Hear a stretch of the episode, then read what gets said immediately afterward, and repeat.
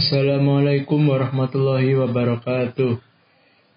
Alhamdulillahi rabbil alamin wassalatu wassalamu ala asrafil anbiya wal mursalin sayyidina wa maulana Muhammadin wa ala alihi wa sahbihi ajmain. Amma ba'du.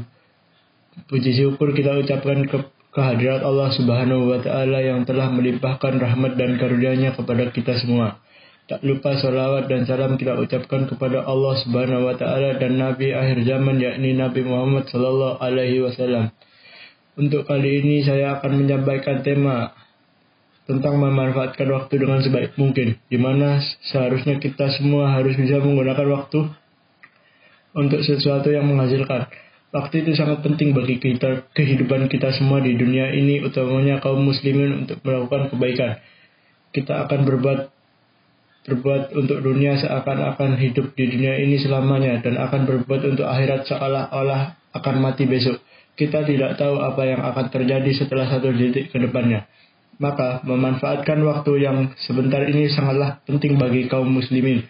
Dalam setiap menit berbuatlah kebaikan. Dalam salah satunya menolong orang yang membutuhkanmu karena berbuat baik itu susah di, untuk dicari dan membantulah selagi ada kesempatan.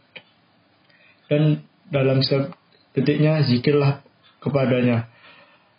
Orang orang beruntung adalah orang orang yang dapat bersaing dengan memanfaatkan waktu dalam kebaikan. Waktu yang telah berlalu tidak dapat diulang kembali. Oleh karena itu, waktu adalah sesuatu yang tidak dapat digantikan dengan apa pun.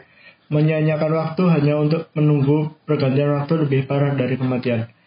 Maka dari itu, kita harus pintar-pintar dalam memanfaatkan waktu dengan cara sebaik mungkin untuk beribadah hanya kepada Allah Subhanahu wa taala. Jangan sampai kita menjadi orang yang merugi karena tidak bisa memanfaatkannya dengan baik.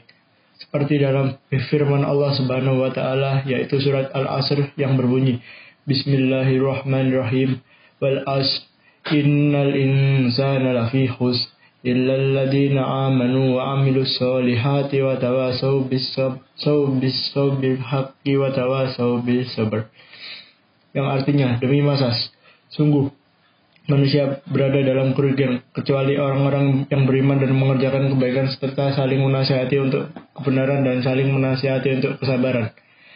Orang cerdas menurut Islam adalah orang yang bisa menggunakan waktu dengan menyibukkan dirinya dengan hal-hal yang diridai Allah Subhanahu wa taala. Isi waktu kita dengan hal-hal yang disukai Allah Subhanahu wa taala. Habiskan masa muda kita dengan sebaik mungkin. Contohnya di masa muda ini kita jangan terlalu banyak nongkrong-nongkrong atau ngobrol-ngobrol ke sana kemari karena itu tidak menghasilkan apa-apa. Gunakanlah masa muda kalian dengan mencari pengalaman yang positif karena itu bermanfaat ke depannya. Atau kalian bisa mengulang menggunakan waktu untuk belajar secara serius di setiap, di setiap waktu luang karena dengan belajar kalian bisa mendapatkan prestasi. Maka dari itu gunakan waktu kalian untuk sesuatu yang menghasilkan. Agar hidup kita lebih baik, maka kita harus ingat dengan lima perkara ini, yaitu yang pertama, sehat sebelum sakit. Yang kedua, muda sebelum tua. Yang ketiga, kaya sebelum miskin.